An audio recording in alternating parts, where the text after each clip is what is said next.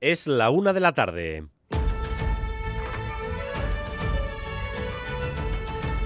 Crónica de Euskadi con Dani Álvarez.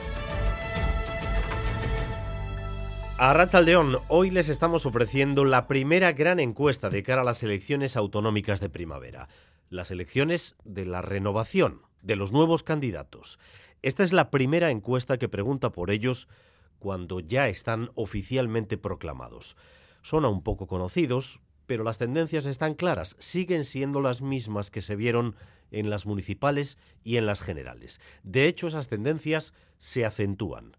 El resultado será el más apretado de los últimos 20 años.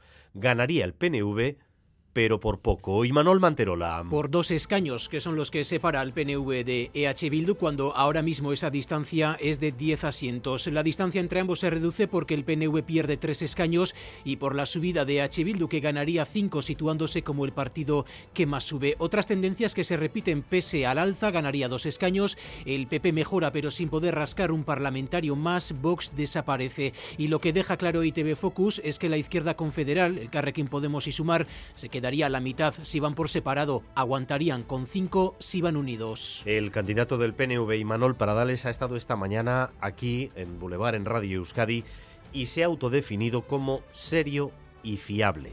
Y aquí ha dicho que la encuesta demuestra que las elecciones son cosa de dos la confianza de la sociedad vasca sigue estando depositada en el Partido Nacionalista Vasco como primer partido para gobernar este país creo que la encuesta deja también claramente una fotografía en la que este país tiene que elegir entre dos opciones, o el Partido Nacionalista Vasco o EH Bildu. Sin embargo, Arnaldo Tegui cree que esto no va de siglas. Según Otegui, no es un PNV contra EH Bildu, sino un modelo Pamplona frente a un modelo Guipúzcoa.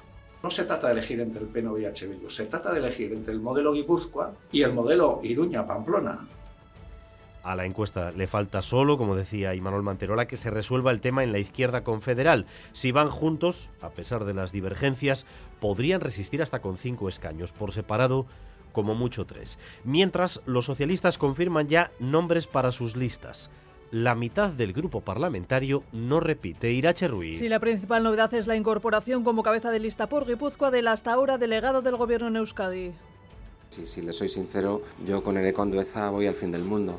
Denis Ichazo quiere ser parlamentario y le acompañará como número uno por Araba. Aro Agilete, el secretario general en Necondeza, será el primero en territorio vizcaíno. Pero además, según puede adelantarles Radio Euskadi, dejarán la Cámara de Gasteiz dos veteranos más, Charlie Prieto y José Antonio Pastor, tras 15 y 19 años como parlamentarios.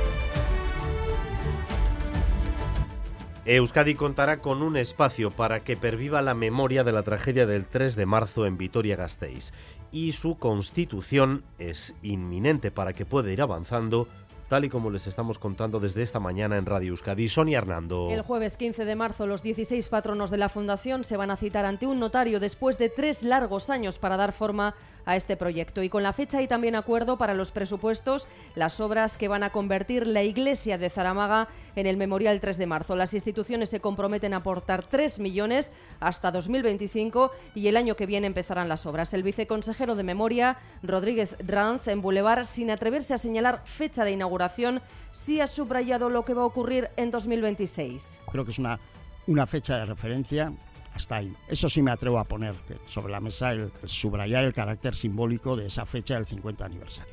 Una representante de la asociación marchó a Kirou, sobrina de uno de los cinco obreros asesinados por la Policía Armada, va a ser la vicepresidenta de la Fundación.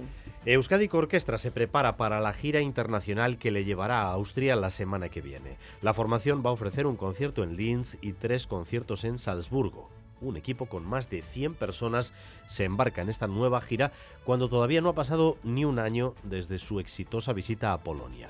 Uriol Rock, director general de la orquesta, ha destacado la importancia de esta invitación, resultado del trabajo constante que realiza la formación vasca. Nuestra actividad discográfica y la actividad que hacemos en casa ha hecho que los programadores se sintieran muy atraídos en dos aspectos muy fundamentales. Uno, la música de Ravel y otra, de este recorrido que hemos hecho alrededor de Shostakovich con la muestra de esta Sinfonía 10 de Shostakovich, que es una de las sinfonías potentes para, para ir de gira. Y vamos también con lo más destacado del deporte, con César Pérez Gazola. Zarracha León, César. Arache Don Dani, Atlético Mallorca esta noche en San Mamés. Dos de los semifinalistas de Copa de la próxima semana se miden hoy en la Catedral.